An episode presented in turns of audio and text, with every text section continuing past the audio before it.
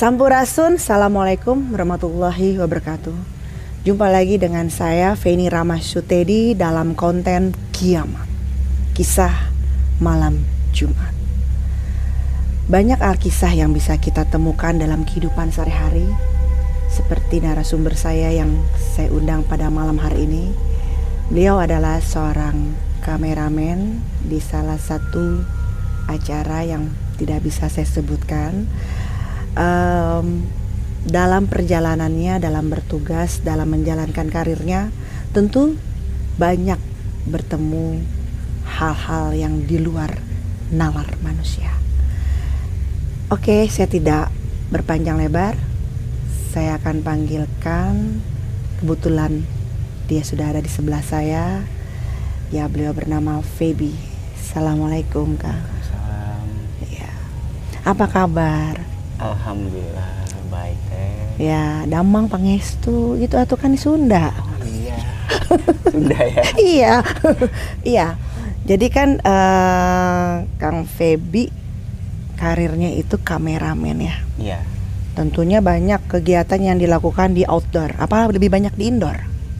Lebih banyak di outdoor dan indoor sih sebenarnya hampir sama. Ya 50 50 lah kurang lebihnya. Oke, gitu kan. Nah, Nah, dalam perjalanan itu kan tentunya pasti banyak menemukan hal-hal di luar nalar manusia ya spiritual. iya. Mungkin bisa berbagi kisah kepada kita semua pemirsa yang di rumah. Hal apa dalam perjalanan hidup yang bisa menjadi pembelajaran buat saya pribadi dan bisa menjadi pembelajaran untuk sahabat-sahabat di luar sana. ya mungkin segini ya teh ya. Eh, selama perjalanan hidup sebagai fotografer ataupun videografer yang saya tekuni saat ini Hmm. paling beberapa kali eh, sempat di dalam dunia spiritual itu ya untuk sekelebatan atau suara Mm-mm. itu pasti biasa buat saya karena memang eh, saya saya itu mengambil gambar untuk eh, konten dalam dunia misteri juga Oke. gitu dan selain itu pun juga ya saya ngerasa ya karena Hmm. seperti ada sesuatu di dalam diri saya sendiri ada apa ya kok kayak ada yang beda gitu Berarti Feby sendiri kan merasa ada sesuatu di dalam diri, ya. Nah, di dalam diri itu tentunya kan ada yang memang sudah ada sejak kita lahir ya atau dalam perkembangan memang sudah ada lalu dikembangkan. Nah, itu yang ada di dalam diri Feby itu lebih ke mana? yang di dalam diri saya ya. nah yang saya tahu nih ya Teh, ya karena kan saya juga eh, kebetulan kan dari orang tua itu kan eh, lebih kejawen ya Iya. Nah, sempet dulu itu saat bayi kebetulan eh, keluarga dari papa itu Uyut itu sempet mau mengisi, Oh, cuman dilarang sama mama. Cuman nggak tahu sampai detik ini pun eh, untuk kelebihan itu ya saya anggap ya anugerah gitu kan. Saya pun juga nggak tahu ini ranahnya mau dibawa ke mana sama Hmm. saya hidup apakah saya bisa menolong orang atau enggak karena saya merasa eh, saya berkeinginan sih cuma satu ya apa yang diberikan anugerah dari Allah ini bisa bermanfaat buat orang-orang yang ada di sekeliling saya. Oke. Nah, dalam perjalanan itu berarti kan itu kan jatuhnya gift ya. iya. Dalam perjalanan itu yang kamu yang kamu rasakan impact ke dalam tubuh tuh seperti apa gitu loh? Apa kamu ngerasa di luar itu malah membuka hal-hal yang di sekitar bisa kontak ke kamu atau bisa berinteraksi sama kamu? Nah itu yang kamu rasa tuh seperti apa? Yang saya rasa itu eh, untuk bisa komunikasi iya. Dan ada satu sisi yang kemungkinan buat saya mengganggu sebenarnya sih. Jadi yang mengganggu ini sudah beberapa kali. Mungkin eh, saya sudah diingatkan sampai yang ketiga kali. Karena saya berpikir satu dua mungkin saya anggap angin lalu ya. Ya pada saat yang ketiga dikasih tahu saya bilang oh ini berarti nggak bener nih saya bilang. Nah ini yang saya rasa harusnya memang harus nggak ada di saya gitu dan sampai detik ini pun susah untuk ngilanginnya gitu beberapa kali saya konsultasi sama teman-teman yang ibaratnya yang bisa, Bisa gitu ya, Ah. ah. Cuman mereka bilang ya itu memang mesti dihancurkan. Cuma kan saya bilang saya nggak ngerti untuk cara cara seperti itu gitu kan. Saya hanya bisa minta kepada Allah gimana caranya untuk bisa ngelepasin ini saya bilang. Iya. Karena saya pun juga nggak mau yang nantinya bisa efeknya tuh malah berdampak ke dalam ke keluarga saya sendiri. Nah, gitu kan. itu yang Nah, berarti kan kamu sendiri merasakan ya. Nah, dalam perjalanan ketika bertugas ya, bertugas Iya. menjalankan profesi pengalaman apa dari apa yang kamu punya itu berinteraksi itu hal apa yang udah terjadi dalam kehidupan kamu yang sudah terjadi selama dalam syuting ya misalnya Ah, kamu lagi syuting atau lagi tugas ke mana gitu kan karena apa yang kamu punya ini jadi yang ik- ada yang ikut atau bagaimana yang jadi membuat kamu ah saya nggak nggak suka nih saya nggak nggak mau nih kayak begini tuh apa?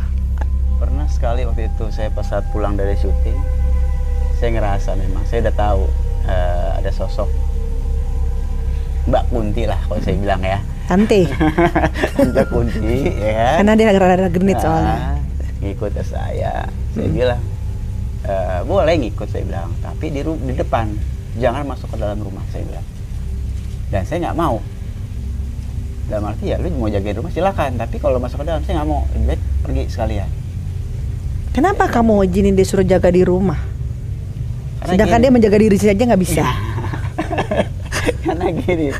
Eh, jadi saya merasa teh apa namanya sempat saya bilangin dia juga nggak mau ngebandel ngebandel terus kan. Oke saya setujui kamu ikut. Tetapi jaga di depan. Tetapi saat sampai di rumah dia malah masuk ke dalam kan.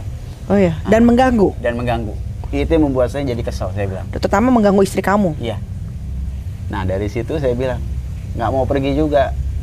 Akhirnya saya ngobrol sama orang tua saya kan. Kebetulan orang tua saya juga bisa. Akhirnya dikasih tahu sama dia.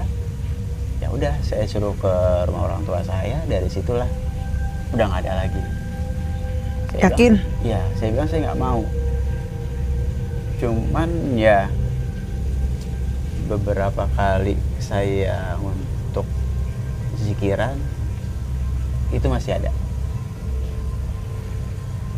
Jadi gini saya beberapa kali waktu itu saya zikir ketemu dengan si tante Kunti ini ya kan?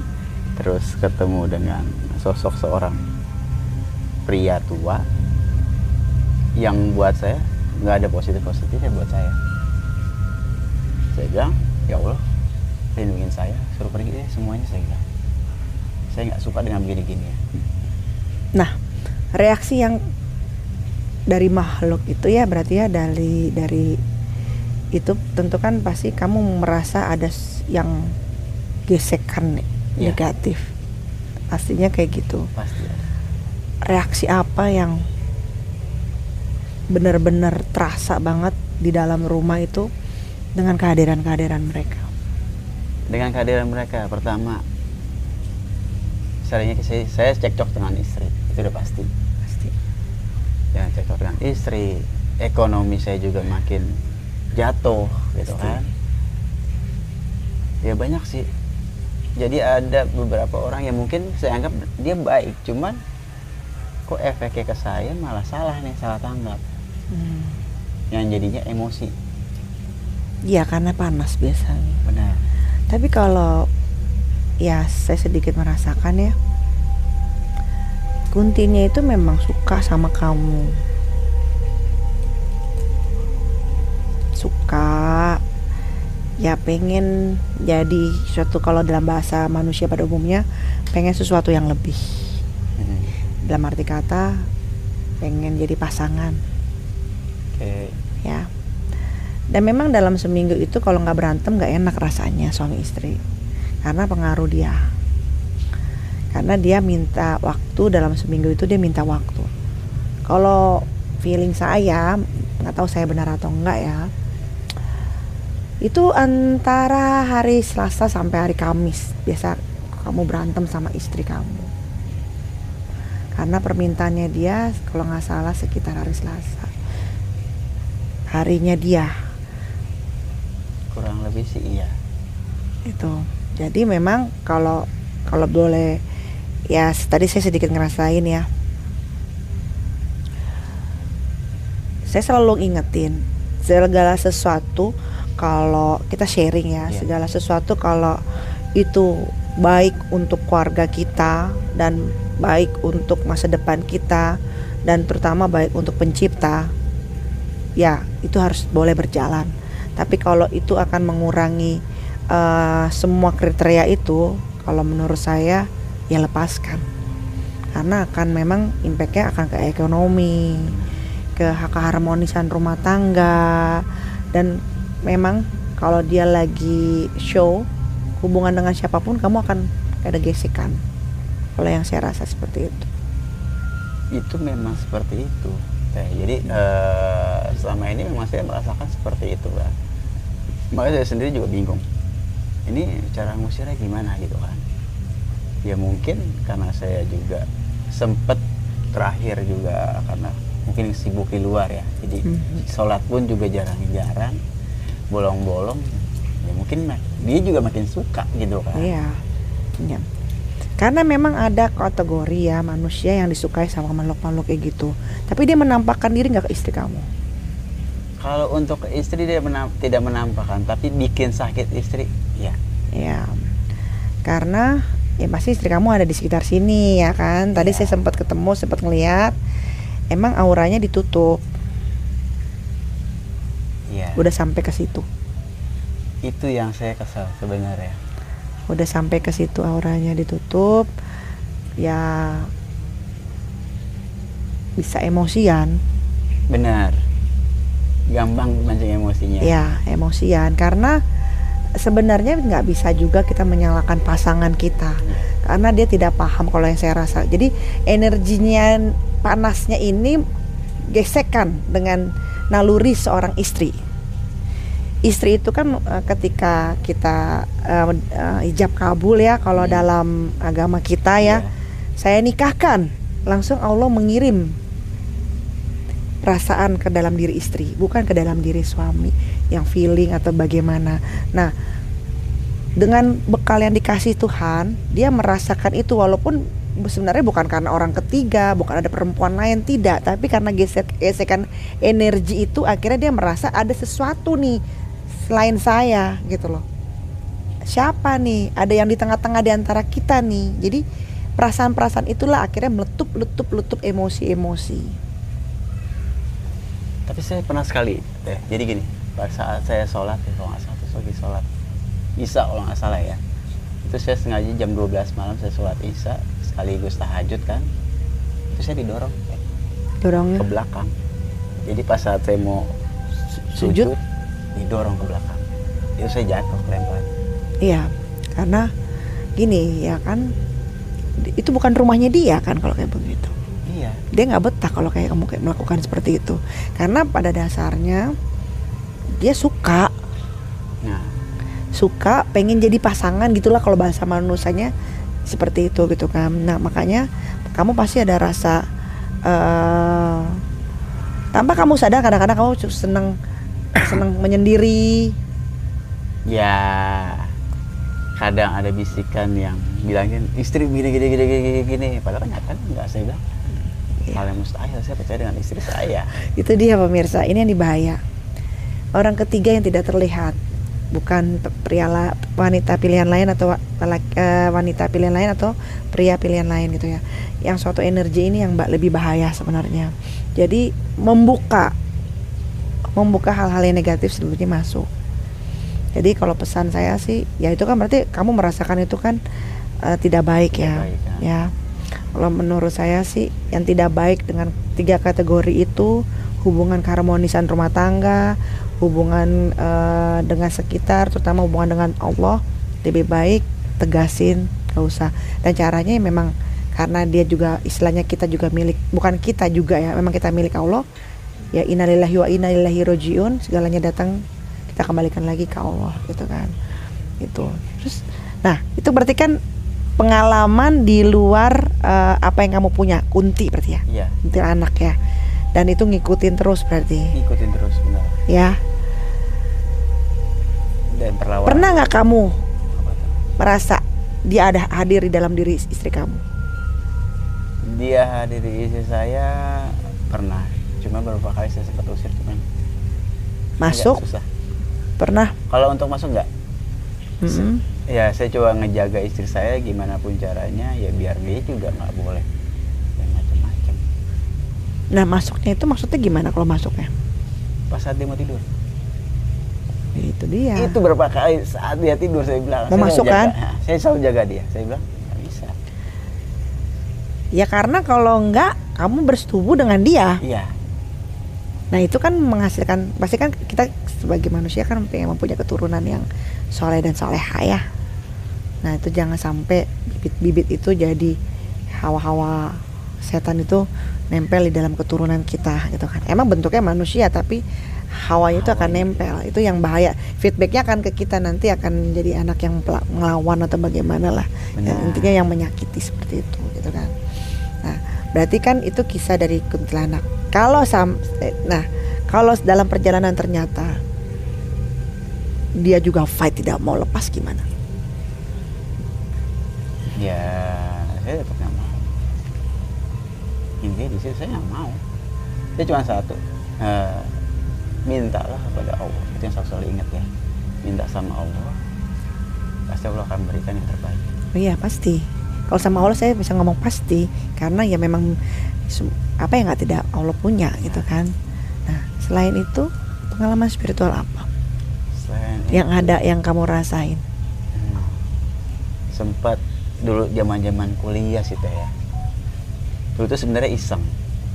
Kita main-main namanya ngebuka cakra. Terus main-main eh, masalah apa namanya kayak yang ada warna merah kuning gitu kan. Aura. aura. Ya sempat sama anak kampus itu kan kita coba eh, bermain itu. Gitu kan. Sebenarnya saya juga pernah belajar cuman kok bisa gitu kan. Nah itu yang saya juga bingung. Sempat terakhir eh, kalau nggak salah saya tidur di salah satu toko gitu dulu masih ada zamannya wartel ya masih zamannya wartel saya tidur di situ Tahun 90-an berarti ya? Iya, tahun 98, 97. Terus saya tidur di wartel, aura saya keluar, eh, eh, cakra saya keluar, dan di situ saya berantem sama jin. Saya kalah sama jin, jinnya itu cuma bilang, tolong bersihin tempat ini. Dan pagi jam 5 subuh saya bangun, saya langsung beresin tuh wartelnya. Kalah. Kalah waktu itu. Ini kayak apa? Itu gede itu, ya, jadi gede, hitam, tinggi gitu kan. Itu pun juga saya berapa kali ngelawan dia, cuman nggak eh, nggak bisa-bisa juga. Hmm. Nah saya bilang, oke saya terima kekalahan saya, tapi saya tidak mau menuruti apa yang kamu mau. Kalau untuk saya bersihin tempat ini, oke, tapi untuk yang lain-lain saya tidak mau. Itu yang ya tahun-tahun 90-an itu ya 97 sebenarnya. 97-an lah ya. 97 kalau kuartal ya. Nah, itu kamu berani? Berarti kamu ada yang ada pegangan gini. untuk pegangan dulu saya hanya yakin sama yang maha kuasa Allah itu. Hmm. Saya yakin Allah pasti nolongin saya. Yakin? Yakinnya di situ. Ada yang nggak dipegang? Nggak ada. Dia cuma yakin Allah ada di situ. Dia pasti ngelindungin hambanya, nggak mungkin dia ninggalin. Dan di saat saya berantem sama jin itu memang mungkin pikiran saya hilang. Jadi saya kalah di situ saya bilang. Kenapa saya nggak ingat sama Allah? Tapi di sebelum kejadian itu pun saat saya sebelum kuliah, saya pas waktu zaman SMA, itu saya masih ingat eh, Allah tuh masih ada dan itu saya benar-benar bisa ngalahin semua muanya. Saya nggak tahu ya tiba-tiba ada cahaya terang turun ke saya, saya dikelilingin cahaya. Siapa yang mau dekat sama saya nggak akan bisa.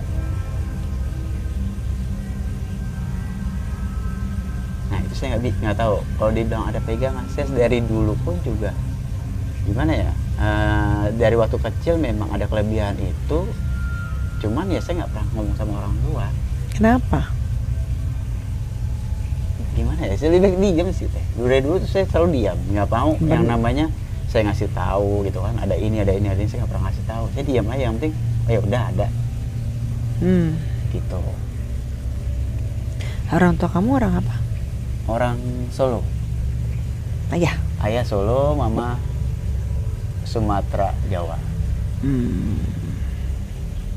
gitu tapi lebih beratnya kayaknya di solonya Iya, kamu lebih berat di Solo karena memang kan dari dari daerah bapak juga kan. iya Tapi memang walaupun apa pun itu memang lebih berat ke Solo, emang dari perawakannya juga kelihatan ke Solonya gitu. Oke, nah berarti kan itu hal-hal misteri yang kamu dapetin tadi saya sempat bilang ada cahaya ya. iya Itu cahaya itu melalui mimpi atau dalam keadaan sadar? melalui mimpi Apa yang kamu dapetin cahayanya? saya nggak bisa ngelihat yang saya tahu Allah melindungi saya kita untuk melek matanya aja kita nggak bisa itu benar-benar terang jadi kita nggak bisa lihat segala macamnya Itu yang kamu rasa ya, cahaya berarti ya. iya Sebenarnya itu bagus.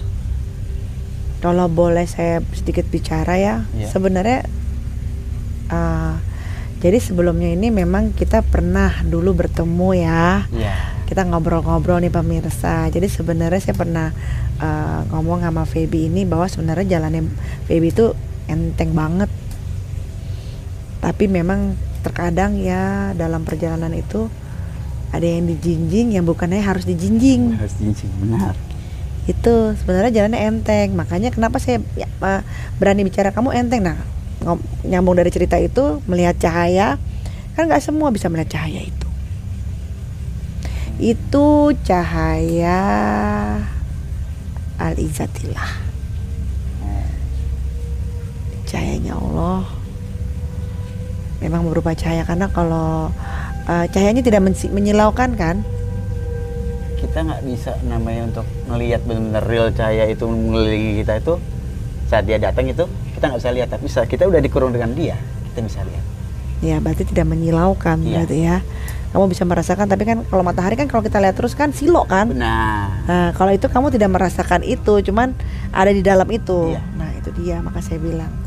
Jadi sebenarnya perjalanannya sih enteng, cuman ya kalau saran saya sih ti- seharusnya tidak harus dijinjing, nggak usah dijinjing, nggak usah. Karena apa? Untuk apa kalau itu akhirnya merusak segalanya, merusak dalam dalam arti segalanya itu ekonomi akan diuji, hubungan apalagi, ya kan? iya Terus eh ya pasti karena ada e- energi letupan-letupan emosi Itu gitu pasti. kan. Nah hal-hal kayak gitu tuh impact dari semua yang harusnya kamu jinjing. Kalau yang saya rasa sih seperti itu. Iya, apa karena gini ya Teh ya? Saya juga ngerasa yang tidak seharusnya saya harus lakukan, tapi saya lakukan jadi. Emang kamu ngelakukan apa? Misalkan gini, eh, yang seharusnya gini, saya nolongin orang, tetapi terlalu terkadang saya berlebihan, yang menjadikannya terlalu masuk ke dalam, Hmm. gitu loh. Harusnya kan sekedar nolongin selesai, udah batasan sampai di sini. Terkadang saya lebih batasannya, yang efeknya malah kenanya ke saya saya lagi, gitu loh. Iya, karena pada dasarnya ya emang kamu baik pada dasarnya ya. Memang emang udah punya basically ya memang punya jiwa seperti itu gitu kan. Nah, ya kurang controlling aja.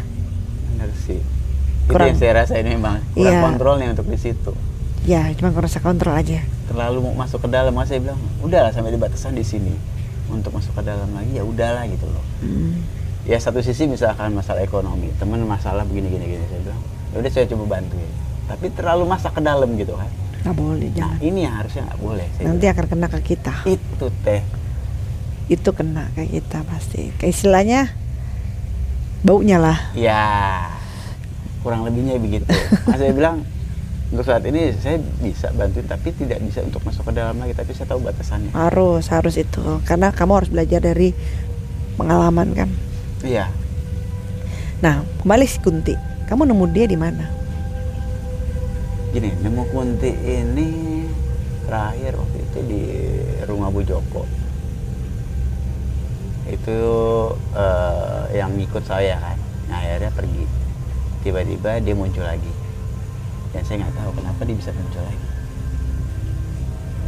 Ya karena memang kalau dia kan tahu kamu di mana aja. Itu dia. Di, di daerah mana itu Joko? Eh, di daerah Cinere. Kamu mau lepas dari dia? Mau. Benar. Iya benar, saya malah nggak mau dia ada. Satu itu, yang kedua, saya juga mau nanya nih teh. Kira-kira ini masukan teteh nih ya. Masalah eh, seorang yang laki-laki separuh baya ini, ini siapa sih sebenarnya? Berapa kali saya coba tanyakan dan saya lihat memang buat saya pribadi ya hati kecil saya ngomong itu nggak baik gitu loh. Ya Itu apa nih saya ceritain di sini? Nah, Nggak nggak apa, nggak apa Jadi gini, pada saat saya sholat tahajud tiga hari yang lalu ya, itu berasa saya ditusuk teh dari belakang. Saya bilang, kamu mau apa? Jin. Saya bilang gitu kan. Jadi jin. Saya bilang, saya nggak butuh kamu, saya cuma butuh Allah. Saya bilang, pergi deh. Saya bilang gitu aja. Tapi eh gimana saya ngomongnya ya? Itu memang ada di suatu benda tinggalnya. Dia itu tinggalnya di suatu benda. Ya memang kadang-kadang berwujud benda, kadang-kadang ya dia begitu. Hmm. gitu loh ya kalau dia lagi mau berwujud ya berwujudnya benda tapi kalau ya itu ya bentuknya seperti penampakan seperti manusia aja tapi dia golongan jin gitu nah dia itu dari saya nggak enak sih ngomongnya tapi ya apa ya dari garis Oke. Dan itu harusnya dari garis tapi kira-kira bisa dimusnahkan atau enggak? Kalau kayak gitu ada. Kalau misalkan dari garis ya, bisa. Kembalikan aja ke Allah. Jadi kita tidak merasa menyingkirkan. Ya kuncinya tidak merasa menyingkirkan atau tidak menyakiti. Tapi ya katakan sama dia bahwa engkau juga milik Allah. Jadi kembalilah kepada sang pencipta. Eh, karena saya juga karena saya pun milik Allah. Biarkan saya bersujud hanya kepada Allah jadi ketika dia ngelawan kamu dia berusaha sama Allah langsung gitu caranya serem loh memang. Dan itu pun saya sholat pun nongol di sebelah saya.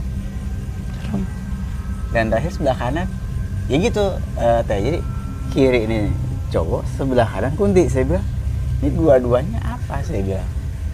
maharnya terlalu ma- maharnya terlalu berat saya bilang, ganggu ekonomi iya.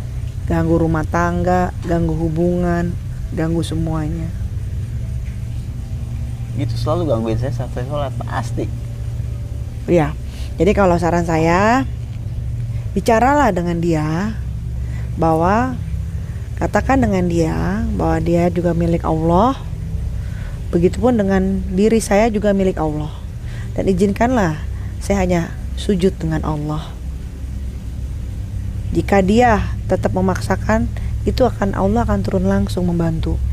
Karena kita pribadi sudah ikhlaskan serahkan semua ke Allah.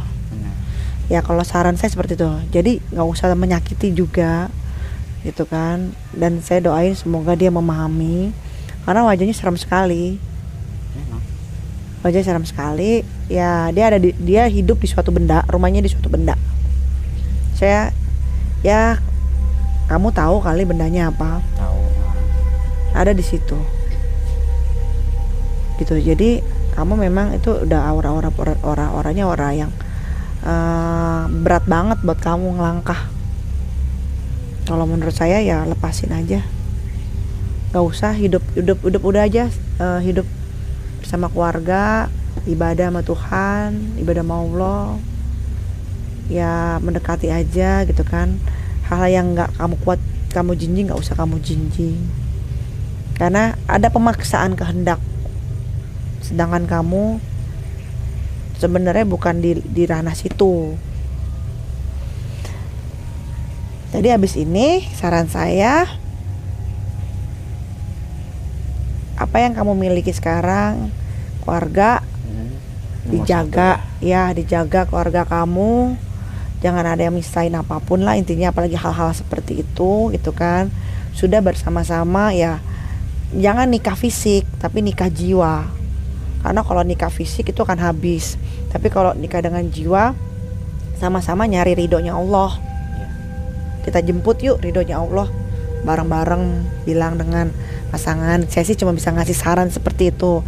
Jadi si istri juga nge-backup kamu harus juga melawan emosinya. Karena itu dipecikin gitu emosinya tuh percikan percikan gitu loh Iya.